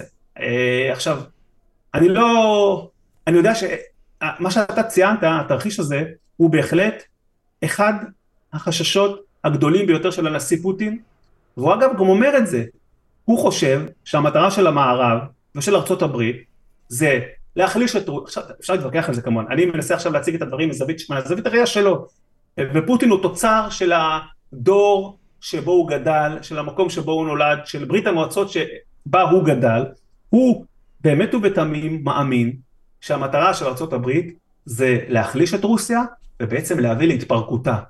וזה גם, גם הביקורת שיש לפוטין, הביקורת הרבה שיש לפוטין, על כל תהליך ההתפרקות של ברית המועצות, ב- ולבסוף, זאת אומרת, ההתפרקות המלאה שלה ב-1991, ועל גורבצ'וב. אז היה חשש מוצק מאוד ואמיתי מאוד, שרוסיה עצמה תתפרק לגורמים. ואם רוסיה עצמה מתפרקת לגורמים, אתה יכול רק לתאר לעצמך איזה ברדק נורא ואיום זה. לא רק לרוסיה, אלא לעולם כולו. מדינה בסדר הגודל הזה, עם אה, עוצמת אה, נשק הגרעיני שיש לה, אני לא חושב שזה אינטרס מערבי שזה יקרה. לא, לא כולם יהיו אוקראינה שוויתרו על הנשק האטומי שלהם בתמורה להבטחות שיהיה טוב עם אה, רוסיה, בוא נגיד ככה. או. או, או קזחסטן, שגם שם זה עבד בצורה כן, דומה. שני מקומות עם ה... שהיה המון מחסנים של נשק, זאת אומרת אם אתם מזהים איפה נמצאים המחסנים של הנשק הסובייטי בתקופה הסובייטית, זה היה קזחסטן, אוקראינה, קלינינגרד, אותו מובלעת קטנה ברוסיה, כן. והגבול הכי רחוק מנאטו, זאת אומרת באירופה עצמה, שזה קצת מעל סנט פטרבורג, ליד הגבול לפיני, שפינלנד לא הייתה בנאטו, עד שרוסיה עשתה את הדבר אופס. המבריק של לגרום לפינלנד להיות אה, בתוך נאטו, ועכשיו, ליד כל מאגרי הנשק הכי חשוב של רוסיה, נאטו יושבת. כן, שמע, זה כבר, אה, אנחנו יכולים לדבר על זה, כי זה נושא מרתק שלעצמו, וזאת אחת מההשלכות של המלחמה הזאת, וחשוב שאנשים יבינו שמבחינה אה, אסטרטגית, על פי דברים שפוטין בעצמו אמר בתחילת המלחמה, הרוסים בעצם סופגים פה אה, מפלות אסטרטגיות אחת אחרי השנייה. קודם כל, הוא רצה, והמהלך הזה של הפלישה לאוקראינה בעצם נווט מתוך אותה תחושה או, או עמדה שנאטו סוגרת עלינו, עזוב עכשיו נכון או לא נכון, זאת הייתה התחושה של פוטין, ככה הוא אמר, שנאטו מתרחבת כל הזמן, סוגרת עלינו, ואני רוצה להרחיק את נאטו מאיתנו. אממה, הוא לא האמין, יש פה מיסקונספציה מטורפת מבחינת הערכות האסטרטגיות שלו, הוא לא האמין, הוא באמת לא האמין שזה יקרה כל כך מהר, ובארבעה באפריל השנה, זאת אומרת, אה, קצת יותר משנה אחרי אה, הפלישה המלאה הרוסית לאוקראינה, אה, פינלנד הצטרפה כחברה מלאה לנאטו. עכשיו, מה זה אומר? לפינלנד ולרוסיה יש גבול יבשתי באורך 1,340 קילומטר. ואתה, דהיינו פוטין, אתה גרמת לזה שעל הגבול הארוך, היבשתי הארוך העצום הזה, יושבים עכשיו כוחות נאטו על כל המשתמע. עם כל האמצעים שלהם ועם כל היכולות שלהם. מה זה אם לא מפלה אסטרטגית? מעבר לזה, סביר מאוד להניח שבשבועות הקרובים, בחודשים הקרובים, גם שוודיה תצטרף לנאטו. אם שוודיה תצטרף לנאטו, אחרי שיצליחו לנטרל את המשחקים של ארדואן, וזה יקרה בסוף, בתמורה כזאת או אחרת, המשמעות עבור רוסיה היא קטסטרופלית. למה? משום שהים הבלטי יהפוך להיות הבריכת השתכשכות של נאטו. והים הבלטי זה הים שהוא המוצא של אה, הצי אה, הרוסי אולי הכי חשוב, שיוצא מסן פטרבורג, שיושב בסן פטרבורג, מטה הצי הרוסי יושב בסן פטרבורג. עכשיו, זה דברים שהם אה, מבחינת ההשלכות האסטרטגיות שלהם עבור רוסיה, זה אסוני, זה אסוני. זה נכון שהוא שולט עכשיו על 18% מאוקראינה, זה נכון, והוא סיפח 18%, פחות או יותר, אבל השאלה באיזה מחיר? באיזה מחיר, והמחיר, מעבר למחיר האנושי ולמחיר של האובדן ולמחיר של אובדן ההרתעה הקונבנציונלית, אני אשאל אותך שאלה, אני מניח שאתה, ואני מודה בזה גם בעצמי, לפני הפלישה הרוסית המלאה לאוקראינה, היה לנו בראש אה, אה, תדמית מאוד מסוימת של הכוח הקונבנציונלי הרוסי. שהוא מספר 2 בעולם. מספר 2 בעולם. בעולם. עוצמתי, מאיים, מפחיד. מי רוצה להתעסק איתם? עם הדיוויזיות טנקים האלה. אין לאוקראינים סיכוי. כוחות מיוחדים, דיוויזיות טנקים, יכולות טכנולוגיות, משמעת, כמה, כמה אנשים הסבירו, זאת אומרת, אשכרה היו אנשים לפני פברואר 22 שאמרו, תראו את היכולות של הצבא הרוסי, זה לא כמו חיילי השוקולד של המערב, כמה אמרו, תראו כמה קשיחות, אתם הולכים לפרוגרס, אתם הולכים לרכות, תראו כן. את הלוחמים עשויים ללא חטא, הרוסים, ואתה אומר, כן. אולי לא, רגע, אבל, אבל, צריך, צריך, בואו, אני ככה אשמש להם כסנגור, ואני אנסה להסביר למה זה. לא רק הם חשבו ככה, גם האמריקאים חשבו ככה. עכשיו, צריך לזכור שבשנים האחרונות, הצבא הרוסי, היו לו כמה הצלחות. קודם כל הייתה אה, רפורמה מאוד מאוד דרמטית שהרוסים עשו, אה, אה, אה, אחרי מלחמה בגיאורגיה ב-2008, הרוסים אה, החלו בביצוע רפורמה צבאית מאוד מאוד מקיפה, הצבא הרוסי החל אה, גם השתנה מבנית, אבל גם השתנה מבחינת אה, אה, היקף ציוד מודרני, מערכות חימוש וכן הלאה. ראינו את המעורבות הרוסית, את הסיפוח המהיר של חצי האי קרים, נכון, לא נורתה אף ירייה, אבל האופן שבו הכוחות האלו הופעלו והמהירות שבהם הופעלו הרימו הרבה גבות וגרמו להרבה חששות. ואז הגיעה גם המעורבות הצבאית הרוסית בסוריה. המעורבות הזאת גרמה לזה שעוד עוד, עוד גבות הורמו. אנחנו בדיעבד מבינים שזה כמובן היה בעיקר שימוש בכוחות אוויריים, את רוב העבודה המלוכלכת עשו המיליציות הפרושיות והחיזבאללה ואותן מיליציות שאיראן הפעילה והמשטר הסורי הפעיל והרוסים עשו פחות עבודה מלוכלכת, אבל זה גרם לסוג של אה, אה, חשש הולך וגובר מהרוסים, וגם הרוסים מאוד מאוד טובים, ואתה תקן אותי אם אני טועה, הרוסים מאוד מאוד טובים בהפגנת עוצמה תודעתית. זאת אומרת, אני זוכר את זה גם, אני, אני, אני הוזמנתי בעצמי לדברים כאלה ויצא לי לראות בתקופת שהותי ברוסיה. התרגילים הצבאיים הגדולים, העצומים האלה שהרוסים מקיימים, וה, ואין כמעט לא עובר יום בלי שאתה רואה בטלוויזיה הרוסית את אותה, אותם תרגילים, טנקים שועטים, טילים משוגרים, אה, שובלי עשן מצוללות. אתה אומר בואנה זה צבא שלא מפסיק להתאמן, באמת פחד אלוהים, איזה עוצמה. אממה, הגיע יום פקודה והתברר שחלקים גדולים בצבא הזה עדיין רקובים משחיתות. עדיין יש לצבא הרוסי, אה, אה, אתה יודע, אה, לא, אפילו, לא, זה אפילו לא כשלים, זה בעיות שלא לא מתאימות לצבא בסדר גודל כזה. בניגוד הברית, שהיא מאוד מתקדמת מבחינת אה, הפעלה של יכולת אה, משולבת, ו, וחיבור מיידי בין מודיעין ברמה הטקטית לבין הכוחות בשטח. אין את זה, לרוסים אין את זה. אין להם את היכולת פיקוד ושליטה שיש לצבאות המערביים, ולכן... אתה יודע שגם אין, הרי ש, מה שאמרת לפני כן, שהאוקראינים עולים על התשדורות הרוסיים של הטלפון, של הג'... כל ה... דברים כל... כאילו שאתה... זה לא, זה לא האוקראינים עושים, אני חושב שברור לכל מי שמבין שזה האמריקאים והבריטים עושים, שהם פשוט... בנאטו, בנאטו. כן, נכון. מה זה נאטו? נאטו זה, זה ארצות הברית ו... נכון, ו... נכון. פינלנד זה אשכרה גורם משמעותי בנאטו, כי הם היחידים שאשכרה בנו צבא, בניגוד לגרמנים והכל. האמריקאים... צבא מאוד חזק אגב. בוודאי. אה, האמריקאים כל כך עליונים טכנולוגית על הרוסים מהבחינה הזו שברגע שהם מתדלקים את האוקראינים זה אשכרה נהיה fair fight. מדינה ענייה ומושחתת בעצמה וזה אשכרה נהיה fair fight בגלל שהפערים הטכנולוגיים בין ארצות הברית לרוסיה הם כאלה גדולים. הם אדירים אבל צריך גם לתת פה קצת קרדיט לאוקראינים. האוקראינים בוודאי הם אלה שנלחמים. כמו ש... לא, נכון, נכון, לא, זה, זה לא רק התמיכה האמריקאית. בסופו של דבר, מי שהיה על הקרקע, אה, אה, התפרס כמו שצריך, והחטיף לרוסים מבחינה צבאית כהוגן. הם נלחמים. זה כמו נכון? הפינים. הפינים במלחמת החורף הם אלה שנלחמו והדפו את הצבא הרוסי. זאת אומרת, העניין הזה שהצבא הרוסי הקונבנציונלי העצום, שכולם מפחדים ממנו, מתגלה במערומיו מול שכנה שלה שהיא קטנה, זה לא פעם ראשונה, זה מה שהוביל למבצע ברברוסה. מבצע ברברוסה 41, הנאצים פולשים לרוסיה כי הם רואים את הצבא האדום בשיא עליבותו, חוטף בראש מהפינים. לא רק זה, אחרי שסטלין חיסל עשרות אלפי קצינים בתיאורים של 37, 38, גם לזה כמובן היה תפקיד, אבל בגדול אה, זה סוג של ההיסטוריה חוזרת על עצמה. זאת אומרת, ומה שראינו ב, ב, ב, בשלבים הראשונים של המלחמה, אני מזכיר לך שיומיים שלושה לפני המלחמה, ואני אני מתנצל, אבל אני אקח פה את הקרדיט שאני הארכתי חודשים לפני שהמלחמה הזאת תפרוץ, והיו לי ויכוחים מאוד קשים עם הרבה אנשי מקצוע בדרגים שונים שהתווכחו איתי, וסירבו לקבל את ההערכה שלי שהרוסים הפעם לא משחקים משחקים והולכים לפלוש. למה, למה אתה חשבת לא ככה? זאת אומרת, אני כמי שאוהב את הנושאים האלה, ממש הופתעתי לחלוטין, לא האמנתי.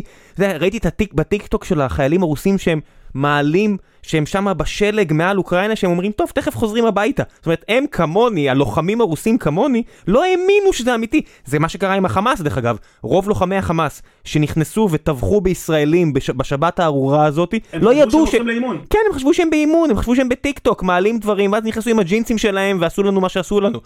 למה אתה חשבת אגב, שכן? אני, אני, שנייה, אני אגיד לך עוד משהו לגבי העניין הזה. גם החיילים הרוסים בליל ה-22 בפברואר, וזה דבר מדהים, גם מפקדים בכירים בצבא הרוסי שהיו פורסים על גבול אוקראינה לא ידעו עד שניתנה הפקודה שהם נכנסים לאוקראינה. עד כדי כך הרוסים, ההנהגה הרוסית, פוטין בעצמו, כל כך מידרו את זה שחיילים לא האמינו שהם נכנסים. עכשיו, אני, אה, אתה יודע, אני מסקר את רוסיה, קודם כל גרתי שם כמובן, ועבדתי שם כעיתונאי, וסיקרתי את אה, רוסיה ואת הפוליטיקה הרוסית ומדיניות החוץ הרוסית מקרוב במשך אה, אה, יותר מעשור. ומה שאני ראיתי בחודשים שקדמו לפלישה, היו עוד ועוד אינדיקציות שמשהו אחר קורה. צריך לשים לב לניואנסים, צריך לשים לב לשפה שבה רוסים, אותם אה, אה, בכירים רוסים משתמשים בה. למשל, ניתן דוגמה, בדצמבר 2021, כן? שעדיין, זה שלושה חודשים לפני, אה, היו כל הזמן דיונים דיפלומטיים בין רוסיה לבין ארצות הברית, אה, הייתה פסגה באותו יוני, יוני 2021 בין ביידן לפוטין. ואני, שעוקב אחרי התקשורת הרוסית, ומאזין ושומע, אני התחלתי גם לשמוע קולות מאוד מאוד מדאיגים. זאת אומרת, קולות שמשמעם שרוסיה הפעם לא מתכוונת, לא מראה סימני התפשרות. בחודש דצמבר 2021 אה, אה, רוסיה מגישה לארצות הברית ולנאטו מסמכים רשמיים שבהם דרישות מסודרות לקבלת ערובות ביטחוניות, ככה הם קראו לזה, לקבלת ערובות ביטחוניות. עכשיו, אני... מה זה אומר? מה זה אומר? אה, מה זה ערובות ביטחוניות? או, שאלה טובה. מה שהיה מדהים אז, שברגע שהתפרסם בסוכנות הידיעות הרוסיות הרשמיות, תעש, אינטרפקס וכן הלאה, שהמסמך הזה הועבר, בדרך כלל מסמכים כאלה הם מסמכים דיפלומטיים מאוד מאוד מורכבים, סבוכים, וכמובן לא פומביים. בתוך שעה הרוסים בעצמם פרסמו את המסמכים האלה, באופן פומבי. והמסמכים האלה כללו דרישות מטורפות מארצות הברית ונאטו, שהמשמעות שלהם בפועל דרישה חד משמעית לחזור לקווי 1997. כל נאט, מדינה שחברה בנאטו עכשיו צריכה לצאת מנאטו ארה"ב צריכה להוציא את הבסיסים שלה משם, והמצב צריך לחזור לקדמותו. מה זה המדינות האלה? מה זה אסטוניה? מה זה לטביה? אה, קודם כל זה המדינות הבלטיות שהצטרפו ב-1999, אסטוניה, ליטא ולטביה. אה, וגם אה, ב-2004 הצטרפו עוד חברות. נדמה לי שהבלטיות הצטרפו ב-2004, לא ב-2004 אני חושב. זה לא משנה, זה בטוח הבלטיות, מה עוד? לא משנה. השורה התחתונה היא שהרוסים מה? לא שומע. מה זה? זאת אומרת, רק הבלטיות זה כבר משהו שהוא בלתי אפשרי. נראה מה? סליחה, אני אומר, רק הבלטיות זה כבר בלתי אפשרי, מה זה עוד לא, אבל זה...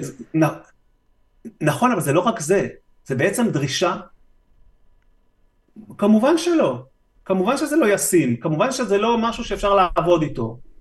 כל המסמך הזה היה בעצם נון אה, סטארטר, שנועד אה, לקבל מהמערב תשובה שלילית כדי להטיל את האחריות על מה שהתרחש לאחר מכן על המערב.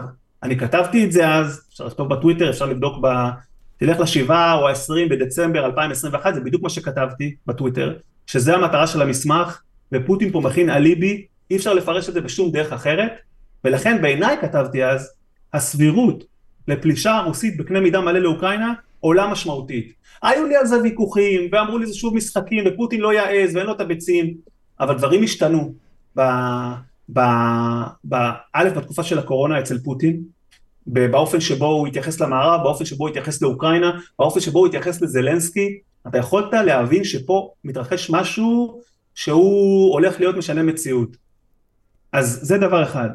אה, אבל מבחינת הנזקים לרוסיה, אז אמרנו, אז אז יש לך את ההצטרפות הפינית לנאטו, שזה, מה, שזה מפלה אסטרטגית מטורפת כשלעצמה, יש לך עוד אה, אה, תוצאות שהן איומות עבור רוסיה, למשל, אובדן השוק האירופי לייצוא נפט, ועד היום הרוסים לא מצליחים למצוא שווקי ייצוא חלופיים, הם אמנם מוכרים להודו נפט, הם אמנם מנסים למכור לסינים, אה, להקים, אה, הם מקימים, אה, אתה יודע, הסינים הם מאוד קשים, הרוסים היו בטוחים שהסינים ישתפו איתם פעולה, סליחה, אבל עד עכשיו הסינים מתווכחים עם הרוסים, מנהלים את המשא ומתן מאוד מאוד קשוח על התנאים לחתימה על חוזה להנחת אותו צינור גז שיזרים גז, צינור גז שני שיזרים גז מרוסיה ישירות לסין, הסינים עושים לרוסים את המוות, הרוסים מאוד מאוד רוצים לחתום על ההסכם הזה, הסינים מושכים אותם באף. עכשיו התלות הזאת בסין כרגע היא משחקת לרעת רוסיה. שוק הייצוא האירופי לנפט נסגר, זה היה השוק הכי החזק שלהם, הוא נסגר, הם כרגע מנסים לחפש שווקים אחרים. אז קח את, אז, אז, אז אולי הרוסים רוצים פה, כוח ההרתעה הרוסי הקונבנציונלי אתה יודע, אז אולי הרוסים ישמחו שהמפרץ הפרסי יעלה באש, הרי הגז הקטרי והנפט האיראני וכל הדברים האלה שמגיעים לסין וליפן שמכורות אליו. יהיו להם פחות מתחרים. מה זה פחות מתחרים? הקוריאנים, יפנים וסינים תלויים באנרגיה מהמפרץ הפרסי, כל אחת מהמדינה בהתאמה שלה, זאת אומרת אם זה ערב הסעודית, כן. קטאר או איראן, גז ונפט, ושלוש שמניתי. אם אין את המפרץ הפרסי, הרוסים חוגגים, אז אולי מבחינת הרוסים, יאללה, תפאדל, שרפו פה את כל האזור. אני חושב שזה קשה להגיד את זה, אבל מלא מעט בחינות, כמו שאמרנו, יש לרוסים אינטרס בהסלמה, בהסלמה אה, רחבה, שתסבך גם את ארצות הברית. אה, עבורם, כמו שאמרנו, כל מלחמה כזאת, היא מתרגמת מיידית לרווחים, אשכרה רווחים, רווחים כספיים, רווחים גדולים כספיים. אה, ולכן אי אפשר לפסול את, האפשרות שהם בהחלט מעוניינים בזה, אבל אני לא חושב שאמריקה, אני לא חושב שרוסיה מעוניינת בעימות ישיר עם ארצות הברית. זאת אומרת, אה, רוסיה כן רוצה, אתה יודע, אה, לכרסם במעמד האמריקאי, אה, לעשות כל מה שהיא יכולה כדי להקטין את ההשפעה האמריקאית ואת הדומיננטיות האמריקאית ולגרום לארצות הברית אפילו להתפורר מבפנים, וטראמפ זה דוגמה מאוד מאוד טובה, אבל אנחנו דיברנו על זה שבמצב הנוכחי עימות קונבנציונלי בין רוסיה לארצות הברית הוא עלול להיגמר רע מאוד אה, מבחינת הרוסים, ולכן אני חושב שאין להם אינטרס כזה, מה גם, וצריך להגיד את זה, זה עלול להביא אותנו לסף uh, מלחמה גרעינית, וזה מצב שהוא כמובן uh, מאוד מאוד uh, מסוכן. מה, אני חושב שיש סיבה שגם גרמניה, גם בריטניה וגם ארצות הברית שלחו את נשיאיה או ראשי ממשלתה או הקאנצלרים שלה בהתאמה לתל אביב בשבוע האחרון. אני חושב שכולם מבינים ש... שהסבירות למלחמת עולם או מלחמה גרעינית קפצה מ-0 נקודה משהו ל... לא יודע מה, 5 אחוז, 7 אחוז, לא יודע איזה אחוז אתם רוצים למנות לדבר הזה, אבל מה לעשות שיש only so much שאפשר, אתה יודע, לערום חביות נפט אחת על השנייה ולזרוק גפורים בלי להאמין שזה, אתה יודע, הגרמנים וה... והבריטים כן. הצטרפו לאמריקאים שאומרים לאיראנים don't, כי הם מבינים את הפוטנציאל התלקחות פה, זה ממש אירועי פרנס פרדיננד 100 שנה אחרי, הסיפור הזה. נכון, שמע, אני, אני באופן כללי, אני באופן כללי מנסה כאילו מאוד להיזהר מ... מ אתה יודע, מ...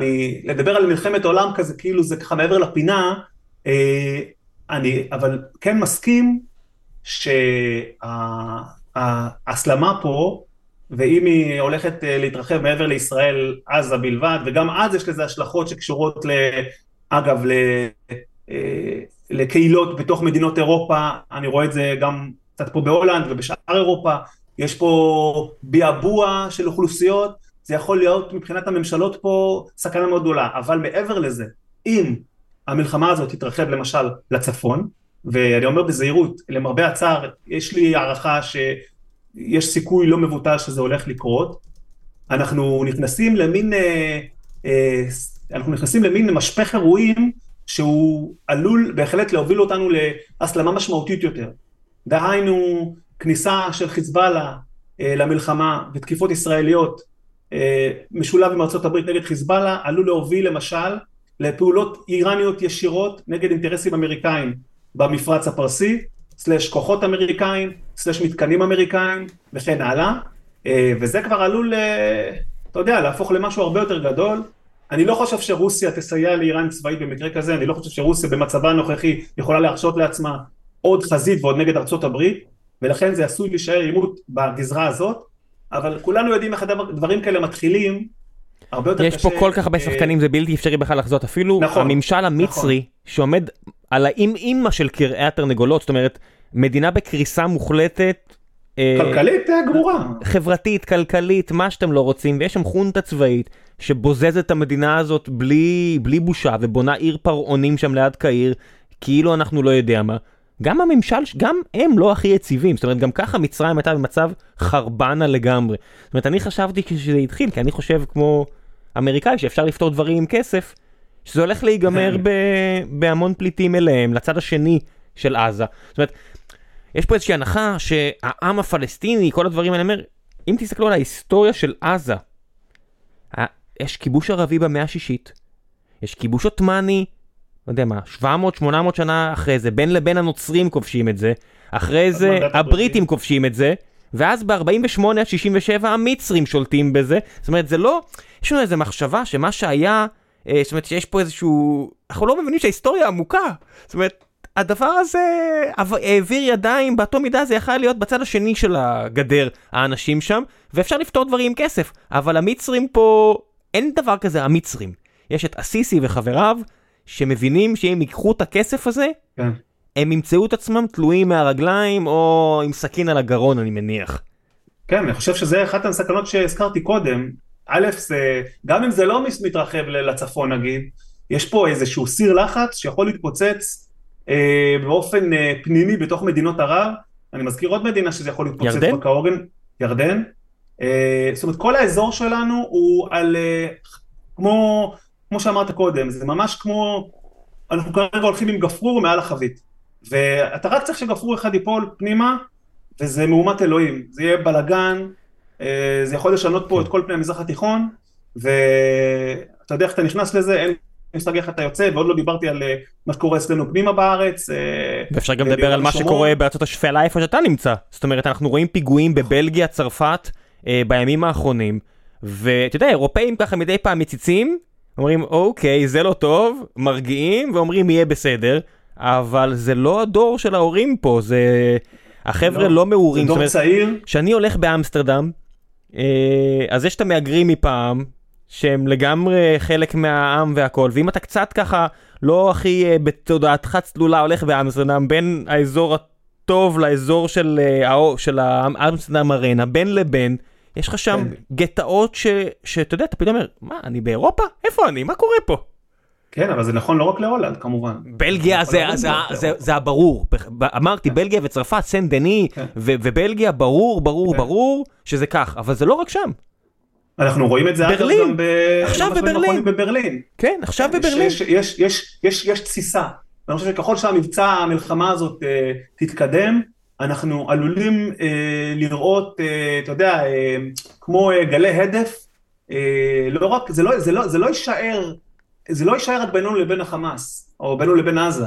זה הולך להיות, עלול להיות משהו שיהיו לו, שיהיו לו גלי הדף שיבוא לידי ביטוי גם באירופה, אה, גם כמובן במדינות שכנות לנו, ואולי גם מעבר לזה, זאת אומרת זה מצב שהוא מאוד מאוד מסוכן. בוא נדבר כמו קצת שאלות מן הקהל לפני שאנחנו פשוט בשעה שלצערי המציאות הנוכחית שלי זה שאני צריך לרוץ אה, לקלח את הילד כי יש אזעקות, אה, כי זה, כי זה המציאות שלנו, אז בוא נעשה קצת שאלות מן הקהל. יניר אלתר שואל, מה עמדתם של הדור הצעיר 18 עד 30 ברוסיה ביחס למלחמה, ואיפה הם רואים את רוסיה במלחמת הציוויליזציה, אם אתה יודע לספר. וואו, אז קודם כל אני חושב שחשוב להבין שהרבה מאוד רוסים צעירים, משכילים, עזבו את רוסיה. אה, בשנה וחצי האחרונות, קרוב למיליון בני אדם, אנשים שהם אה, אה, בטווח הגילאים הזה, הרבה מהם משכילים, תואר ראשון, תואר שני, אנשים עם מקצועות טובים, פשוט ברחו. א', הם ברחו כי הם לא רוצים שיגייסו אותם, זו הסיבה הראשונה, אחרי צו הגיוס של פוטין. לא רוצים להיות חלק מהמלחמה הזאת. ודבר שני, אה, ויצא לי לדבר עם כמה כאלה, זה שהם פשוט אומרים את האמת, הם אומרים, אנחנו לא רואים כרגע שום עתיד פה, זאת אומרת, אנחנו לא רואים שום עתיד ברוסיה. אה, עד שלא יהיה איזשהו שינוי אה, דרמטי, אנחנו לא, לא רואים איך אנחנו יכולים להישאר פה. אבל יחד עם זאת, חשוב גם לזכור שכמובן יש לא מעט צעירים שעדיין חיים ברוסיה, והם, והם גם סופגים את התעמולה האינסופית של המשטר. אה, קשה מאוד לברוח מזה. אה, אז אה, יש ביניהם כאלה שמן הסתם תומכים, ויש גם לא מעט כאלה ש... שמתנגדים. כמו בכל חברה, אין פה, זה לא... כן, יצא לי לדבר עם חד, חד משמעי. מכר שלי, שיוצא לדבר איתו לא מעט בשנים האחרונות, שעכשיו עבר למוסקבה, ו... ויש פה איזושהי רמה של הכחשה, זאת אומרת, לא רציתי ללחוץ אותו יותר מדי, אבל אנשים צריכים להבין שזה חבר'ה שגרים במקום שבו אם אתה מדבר יותר מדי, וזה לא הרבה יותר מדי, אז אתה פשוט תיעלם. disappear you, כמו שאמרו בקאץ' 22, they'll disappear you. זה לא צחוק, זה לא משחק. זאת אומרת, אנחנו מדברים פה על, על מסך הברזל, כמו שצ'רצ'יל טבע באותו נאום במיזורי, זאת אומרת, מי כן. שמאחורי מסך הברזל הזה לא יכול לדבר בחופשיות כי יעלימו אותו, כמו אותה גברת שבאה למחות על המלחמה בעזה, והעלימו אותה. נכון, נכון, וצריך להבין ש... תשמע, אני, יש לי פרספקטיבה. בגלל שחייתי שם עד 2019, שזה כמובן עוד לא לפני המלחמה, אבל כבר אז גם היה דיכוי פוליטי, וסיקרתי הפגנות, וראיינתי ראשי אופוזיציה, אז גם אז היה כבר דיכוי פוליטי. אבל האלמנט שהוסיפה המלחמה באוקראינה, זה אלמנט אה, עוד יותר חריף, של, אה, שמזכיר להרבה אנשים אה, מבוגרים יותר, את הפחד ששרר בתקופה הסובייטית.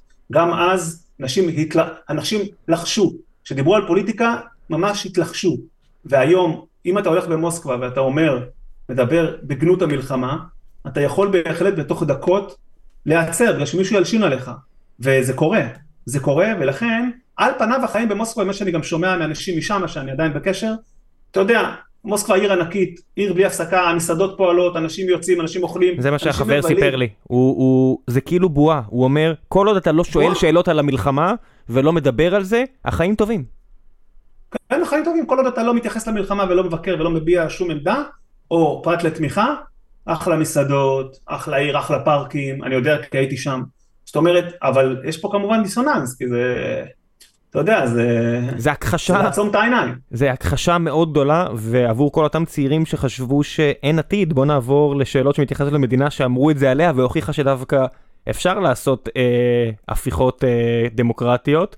אז יש פה כמה חבר'ה ששואלים על פולין, שואלים, אה, גיל דולברג למשל שואל מה הוביל לשינוי בפולין, וראיתי עוד שאלה על פולין, על האם הממשל החדש באמת הולך לס... לנקות את כל הבלגן שהממשל הקודם עשה, מהרבה בחינות ליברליות דמוקרטיות. אחרי שמונה שנים כן. שאמרו שהספידו את הדמוקרטיה הפולנית, הנה, נכון, אז היו כבר כאלה, זה מצחיק, שכתבו לי, מה, אתה כל הזמן כתבת שהדמוקרטיה הפולנית מתה, אה, אז אם היא מתה, אז איך עכשיו השלטון מתחלף? אז כמו תמיד, צריך להבין, זה לא, שום דבר הוא לא אה, אפס או מאה או שחור או לבן. זה, התמונת המציאות היא כמובן תמיד מורכבת. על הסקאלה של בין דמוקרטיה ליברלית מוחלטת בסגנון אה, סקנדינבי, לבין, אה, אתה יודע, דמוקרטיה מאוד מאוד אה, מוגבלת, אז פולין התקדמה בשנים האחרונות באופן מובהק לכיוון של דמוקרטיה מאוד מאוד מוגבלת.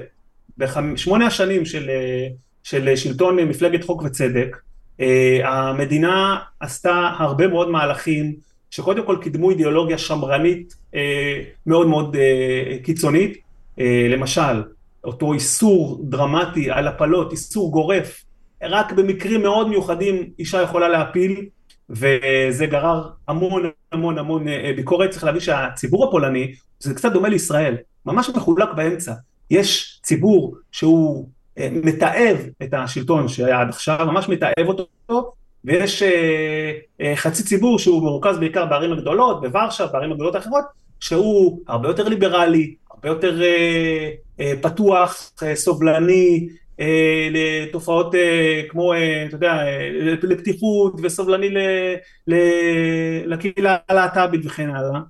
ואני חושב שבמהלך הארבע שנים האחרונות, התהליך הזה של ה, אה, שהובילה מפלגת השלטון, הוא כנראה הצטבר לכדי הוא הביא את הציבור הפולני לתחושות קשות. הקיטוב בפולין הפך לבלתי נסבל. יש הרבה דמיון אלינו. הקיטוב הפך לבלתי נסבל, ולהרבה אנשים פשוט נמאס מזה.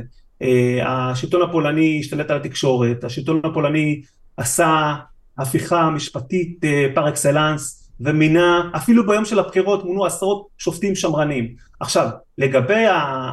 קודם כל בוא נראה שהנשיא הפולני, אנג'ו דודה, שהוא כמובן ממפלגת השלטון הנוכחית, בוא נראה אם הוא ימלא את תפקידו כמו שצריך ולא יתקע מקלות בגלגלים לדונלד טוסק, שאמור לנסות ולהרכיב את הממשלה הבאה ואת הקואליציה הליברלית, וגם כשהמהפך הזה יושלם, ולמשל טוסק יהיה, יושבע כראש ממשלה, אתה יודע, השלטון הנוכחי, הימני, עשה שינויים כל כך גדולים במערכת המשפט ובחוקה הפולנית, ומינה כל כך הרבה שופטים שמרנים, שזה לא יהיה פשוט. כדי לתקן את כל הנזקים שהשלטון הקודם עשה, הוא יצטרך, זה, זה, זה ייקח זמן.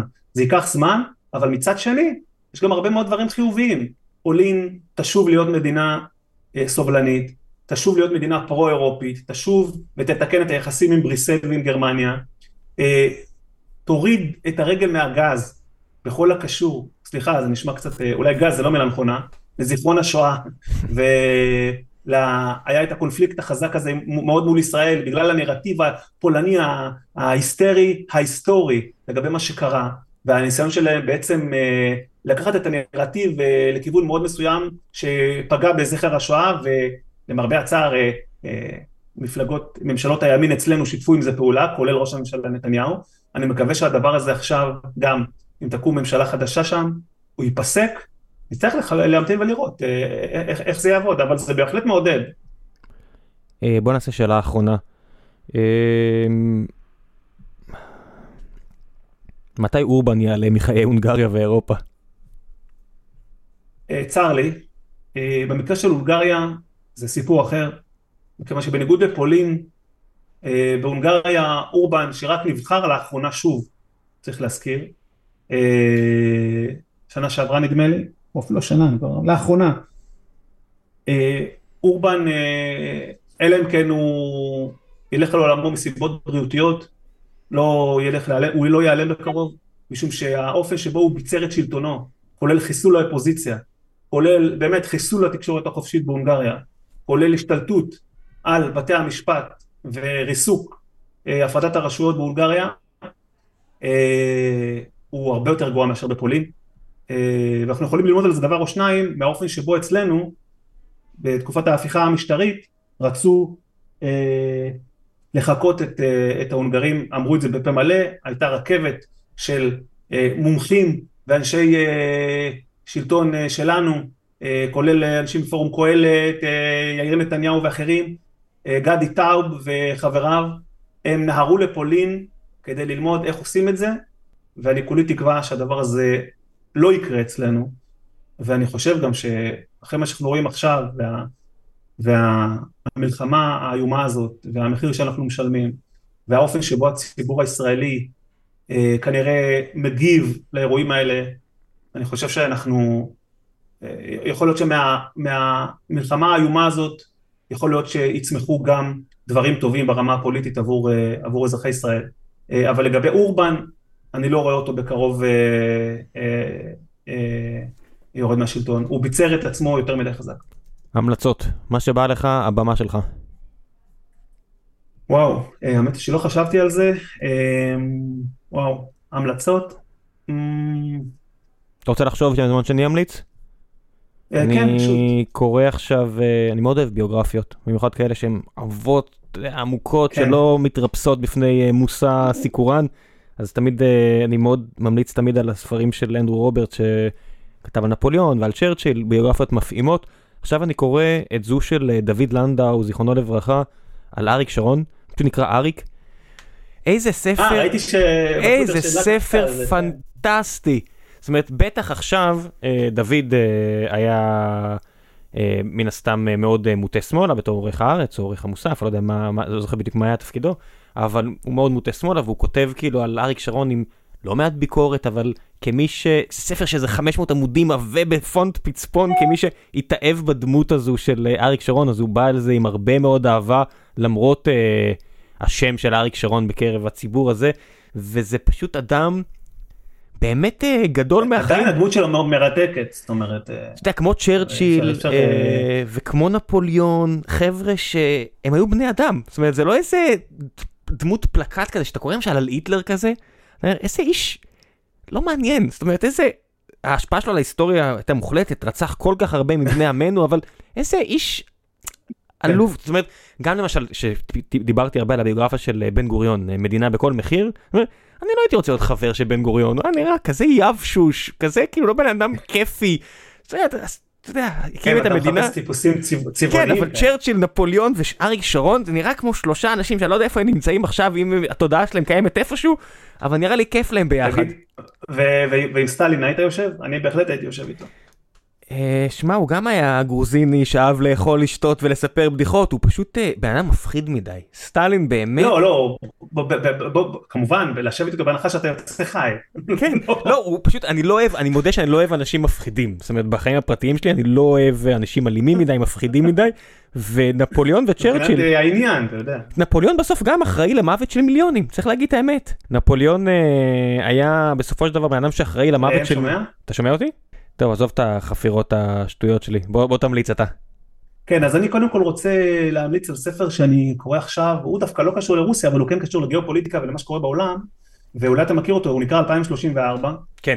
אה, הוא של אה, אה, שני סופרים, אה, אליוט אקרמן ועוד אדמירל, אה, לשעבר בצי האמריקאי, אה, שנקרא ג'יימס אה, סטאברידיס, וזה ממש... אה, ספר מפחיד זה מדי, אה, כמו גיבור של אריק צ'רניאק וספרים אחרים, זה ספרים שאל ת... אני, אתה ממליץ, אני לא בטוח שאתם רוצים לקרוא את זה כרגע.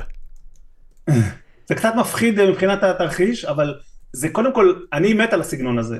אם אתה, אם אתה למשל אוהב את תום קלנסי וכאלה, אז אה, זה בשבילך.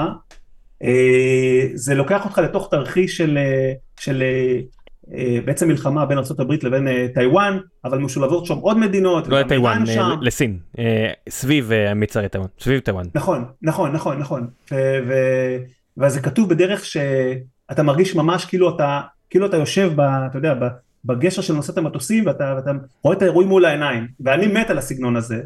כן, אני- אה, אני- אני- הבעיה שלי עם זה שיש יותר מדי אדמירלים וגנרלים 4 stars כאלה אמריקאים שמונים באיזה שנה זה יקרה, חלק אומרים 2027, חלק 28, חלק 25, יש יותר מדי מהם שממש בוחרים שנה שבה העולם יגיע כן, לקיצו. ואני ממש, אתה יודע, כרגע בהדחקה. אה, כן, אבל אנחנו כרגע. מדברים על הס- הספר, הספר הוא סבבה. אה, אולי זה יקרה. קודם, אולי זה יקרה אחר כך. כן, הספר הוא סבבה. כן, ועוד ספר שאני רוצה להמליץ עליו, הוא גם אה, רלוונטי למה ש... אה, למה שקורה אה, בעולם, בכל מה שקורה לפופוליזם, זה נקרא spin doc, spin dictators, וזה נקרא The Changing Face of uh, Tyranny in the 21st Century, אני לא יודע אם אתה מכיר את זה או לא. לא מכיר, אני רושם לעצמי. זה של סרגי גור- גור- גורייב ודניאל טרייסמן, אני יכול אחרי זה לשלוח את, ה, אה, אה, את הפרטים ואפשר לפרסם את זה, זה גם, זה ספר שמסביר אה, על הדיקטטורות הנוכחיות נקרא לזה ועל התפקיד החשוב שמשחקת, משחק בו הנושא של אה, השליטה בספין, השליטה בתודעה, השימוש ברשתות חברתיות, אה, דיקטטורים של פעם היו חייבים אה, לשלוט במדינה בכוח הזרוע, דיכוי פוליטי מאוד חזק, משטרה חשאית מאוד חזקה. היום, אם אתה שולט באמצעי התקשורת ובמדיה החברתית, וואלה, אתה יכול אה, כפוליטיקאי אה, אה, לעשות כאילו קולות של דמוקרטיה, אבל אה, בפועל אתה, אה, אה, אתה ספין דיקטטור, וזה ממש מעניין. אה, אז אני אה, ממליץ, זה גם נותן דוגמאות ממדינות שונות כמובן, כולל, אה, כולל הונגריה, כולל סינגפור, מאוד מעניין. יאיר, תודה רבה רבה רבה רבה, ואני מקווה שאת הפרק הבא שנקליט ביחד לא נעשה בבונקר. אמן, אמן, אני, אני רוצה, רוצה כמובן, אה, אה, אתה יודע, אה, לקוות ש, שדברים ישתנו לטובה וש, וש, ושיהיה טוב, שיהיה טוב לאנשים בארץ. ושלא נדבר אחרי, אה, אתה יודע, בסופו של דבר אנחנו, הכל פה ברוח טובה והכל, אבל החרא הזה מגיע אחרי באמת הטבח הכי גדול מאז השואה ביהודים. זה- נכון, זה פשוט נכון, משהו וזה, ש... וזה שה- קשה וזה מועקה מאוד גדולה. כן, זה, זה באמת, אני קצת, יודע, הייתי קצת משועשע וקצת מדברים פה על דברים ב- במסביב לעולם, אבל באמת שזה... זה קשה, זה קשה, קשה, וזה, כן. וזה, וה, וה, והעוצמה של הכאב, אה, ואני מרגיש את זה גם בחו"ל כמובן, אה, אה, היא, היא מאוד מאוד גדולה, היא מאוד גדולה ויש תחושה של מועקה מאוד גדולה, ואני מאוד מאוד אה, מייחל שאנחנו אה, למרות הכל נצא מחוזקים מהעניין הזה, ו, ואני מקווה שעם ישראל, אתה יודע, אנחנו רואים את זה מפה, כמה הוא חזק, וכמה הוא, וכמה הוא מצליח להתמודד, וכמה, וכמה כל המתנדבים עושים עבודה מדהימה, והפער העצום בין העם לבין הממשלה, זה דבר שמטריף אותי, ואני מצדיע, מצדיע לכל האזרחים האלה, באמת. עד הפעם הבאה. תודה רבה רבה. כן, תודה, תודה, תודה רבה.